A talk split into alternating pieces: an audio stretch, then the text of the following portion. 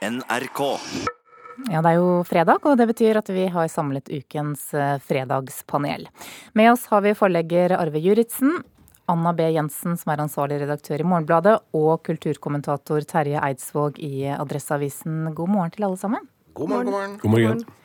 En av de store tingene som har skjedd denne uken, det er jo at regjeringen er blitt utvidet. Venstre har kommet inn, og dermed har vi også fått en del rokeringer. Og det innebærer også at vi har fått en ny kulturminister her eh, i landet. Vi skal høre litt hva hun sa til oss i går.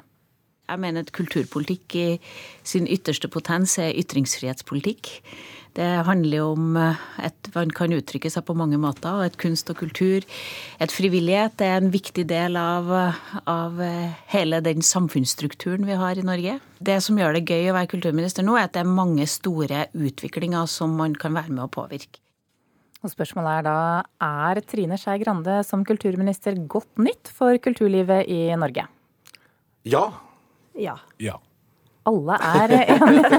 Det var en kjedelig start, men sånn er det. Begynne med deg. Hva- Hvorfor? Nei, altså Jeg får jo snakke for meg selv, altså for bokbransjen og litteraturen. Og Venstre er faktisk det eneste partiet som har ofret en eneste tanke på noe, hva skal jeg si, det næringspolitiske når det gjelder bokbransjen. Det at det er en liten eh, mafia på tre forlag som får lov til å styre hele verdikjeden.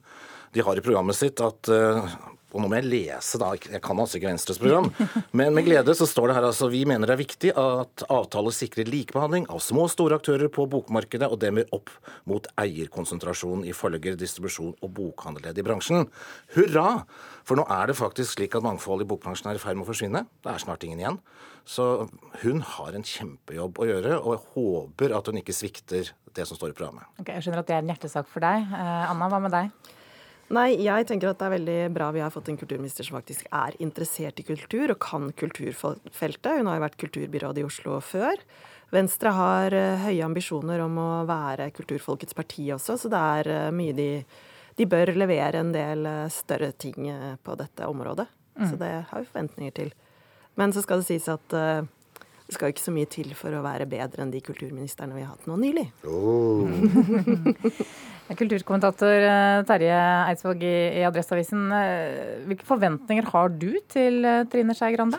Eh, I likhet med kulturlivet og mine med- meddeltakere her, så, så tror jeg at eh, det kanskje ikke i nyere tid har vært en kulturminister med så store forventninger til seg, og også et krav til å lykkes. Klart at Når hun i de forhandlingene her kunne velge på de øverste hyllene eh, eh, hun, hvilket departement hun ville bestyre, og valgte seg kultur, eh, så, så setter noe krav til, til Det må resultere noe.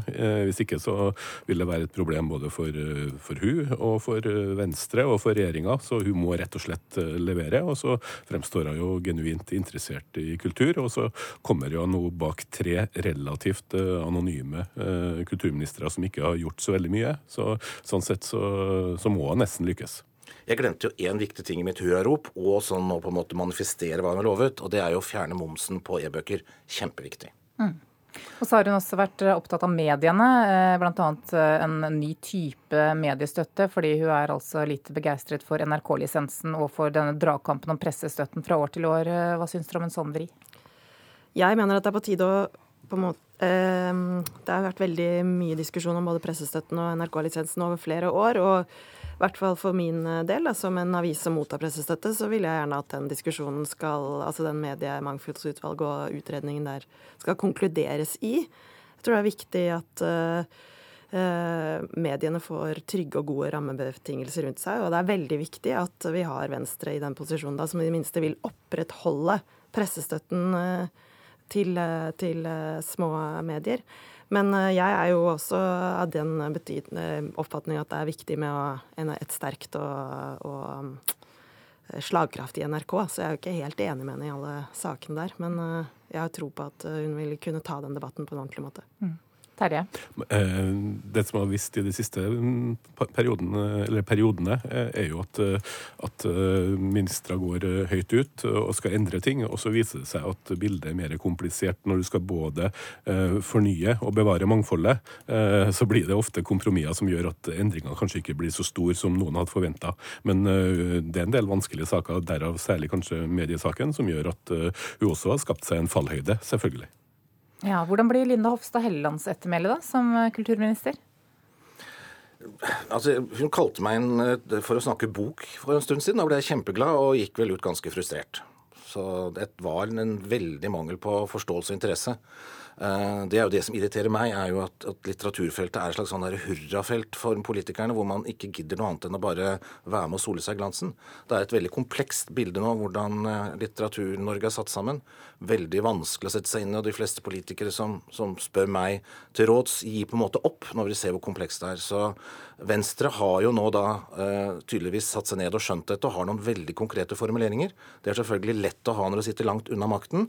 Uh, så som dere andre sa, det er tøft for Tine, Trine Skei Grande å skal leve opp til det konkrete partiet hennes er lovet. Så vi krysser fingrene. Det er mye godt der. Mm. Ja, fallhøyden kan jo bli stor, som Terje var innom. Ja, i høyeste grad. Og en annen ting som de jo Eh, vi, eh, jeg, vi i Morgenbladet håper de gjør, er jo å sette eh, makt bak det kravet som de tidligere har fremmet om en milliard til folkebibliotekene, for der trengs det penger. Og så er det grunn til å huske også at når partilederen i Venstre nå blir kulturminister, så vil det faktisk bli mer oppmerksomhet om kulturpolitikk. Enda mer enn det har vært under Hofstad Helleland, det er jeg helt sikker på. Fordi det er partilederen? Nettopp. Mm. Vi skifter tema. Eh, den podkasten som for tiden er eh, Norges mest eh, nedlastede, det er den nye serien til NRK som heter Hos Peder. Der får du være med som flue på veggen når psykolog Peder Kjøs behandler unge mennesker og problemene deres. Og I den første runden så er det Tiril som snakker om frykten for å ikke få kjæreste. Hva har du tenkt for noe om det så langt? da? For det, høres, det er jo åpenbart en ting du har tenkt mye på. Så. Ja, jeg har jo tenkt mer på det selvfølgelig de siste årene. Da, da man kommer i en alder hvor um, alle begynner å etablere seg og sånne ting. Um, og for alle andre så bare Det virker så innmari lettvint. Altså De bare treffer noen, og, de bare treffer noen, og så skjer det. Ja, Vi hørte altså Tiril og psykolog Peder Kjøs. Og Spørsmålet er er det egentlig en god idé å invitere lytterne inn i terapirommet? Um, ja og nei. Veldig god idé. Ja. Jeg begynner med deg, Anne.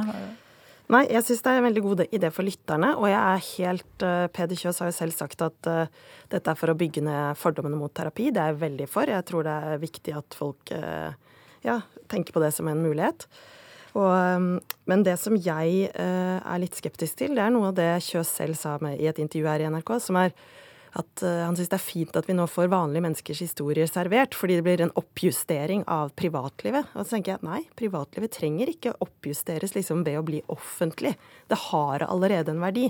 Og da tenker jeg at det sier litt om tida vi lever i, at vi må at vi først tenker at privatlivet er en verdi når flere deltar i det, da, når det ikke lenger er et privatliv. Så det er min bekymring. Men bortsett fra det, så tenker jeg ja, det er kjempebra. Det, det, er god grunn til å ha flere bekymringer. Jeg var veldig skeptisk før jeg hørte den podkastepisoden. Eh, men etter å ha hørt den, så skjønner jeg jo at dette er jo et redigert produkt eh, hvor eh, både på en måte legeetikk og medieetikk har vært inne i bildet. Men likevel så er det en balanse der. Altså, det er bra å avmystifisere terapi, men samtidig så det, bør man jo ikke skape et inntrykk av at det er noe som alle eller mange flere trenger. Så det, det er en, det er en hårfin balanse her. Men jeg syns det som er hørt, eh, eh, virker det her som, en, eh, som et godt journalistisk produkt, rett og slett. Nå syns jeg mine kolleger i panelet her var litt vel politisk korrekte. fordi at dette er helt fantastisk. Altså, Det er så viktig å rive ned fordommene rundt psykiatri. Altså Det å gå til en, en psykolog-psykiater er jo ikke noe annerledes enn å gå til fastlegen. Men dessverre så er det det. Og når vi har så mye forbehold som vi hører her nå, så er det grobunn for at det fortsatt er noe mystisk. Det er det ikke. Og jeg syns denne podkasten virkelig eh, river ned dette. Det er en god psykolog, og de eh, pasientene jeg har hørt, eh, snakker ikke om noe veldig spesielle ting. Det er ganske hverdagsproblemer mange av de har, som håndteres på en veldig god måte. Men hovedsaken her handler om at vi tør å sette fullt flomlys på dette, og vise at det er ikke noe annerledes enn å gå og få sydd et sår. Mm, men ville du hatt en podkast fra fastlegetimen, da? Eh, altså, Sånne programmer fins jo, eh, så gjerne det også. Men jeg, jeg, tenker at det viktigste her er rett og slett bare å vise at det å gå til psykolog er ikke noe å skamme seg over. Det er ikke noe rart. Eh, det er noe alle gjør, burde gjøre en gang i livet. Eh, og veldig mange burde gjøre det mye fortere. Så jeg syns dette er folkeopplysning på sitt aller beste. Ja, Det er jeg helt enig i, men akkurat uh, noen av de vurderingene som ligger, under her, var når man snakket med terapeuten om andre mennesker. som Når du, når du berører det her medieetikkområdet, så er jeg veldig glad for at, uh, at, man er så bevisst på hva man har med og hva man ikke har med. så Derfor så er det veldig bra at det er en profesjonell ramme, både, både fra psykologen, men også fra NRKs side, som gjør at det her blir et så bra produkt som i alle fall det som er hørt, er. Mm. Men hvorfor er det så stor interesse, da, både for å være med i denne serien og for å høre på? Altså, jeg tror Jeg er enig. Det er ikke det at jeg mener at det er galt eh, å ha en serie om dette. Jeg bare sier at Det er noen etiske problemstillinger som man må ta inn over seg. Og jeg tror at det er bedre for lytteren og bedre for offentligheten enn det er for de som sitter i stolen, på en måte. Men, ja, det, det, er jeg uenig med deg. Jeg er sikker på at de får mye ut av å bli hørt av en hel nasjon. Det tror jeg er kjempeviktig for dem. Uh, så, som journalister som vi alle er rundt bordet her, så vet vi jo hvor, hvor, mange som har behov for å fortelle historien sin. Så jeg er sikker på at denne terapien jobber, virker tregangeren for dem som sitter i stolen og vet at det blir en podkast.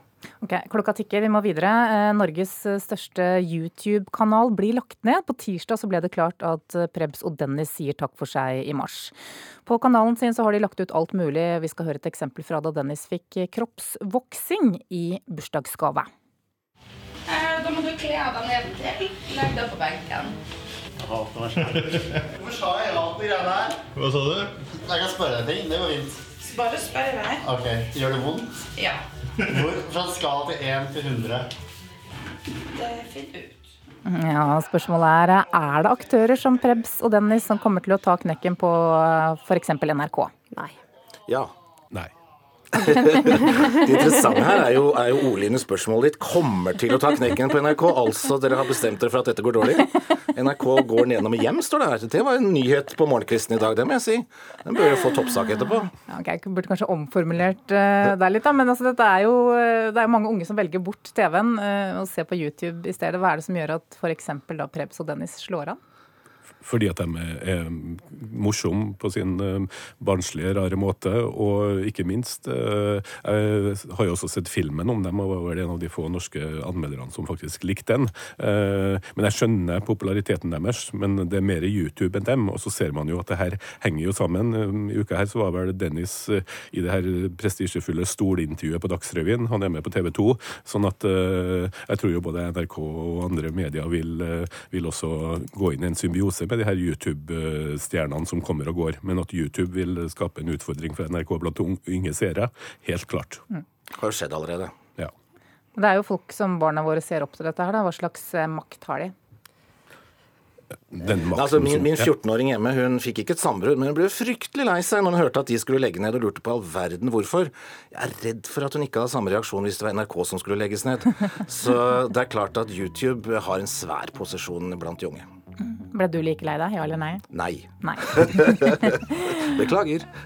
Vi må avslutte Fredagspanelet. Klokka tikker mot 8.30 og Dagsnytt. Takk skal dere ha, Arve Juritzen, Anna B. Jensen og Terje Eidsvåg.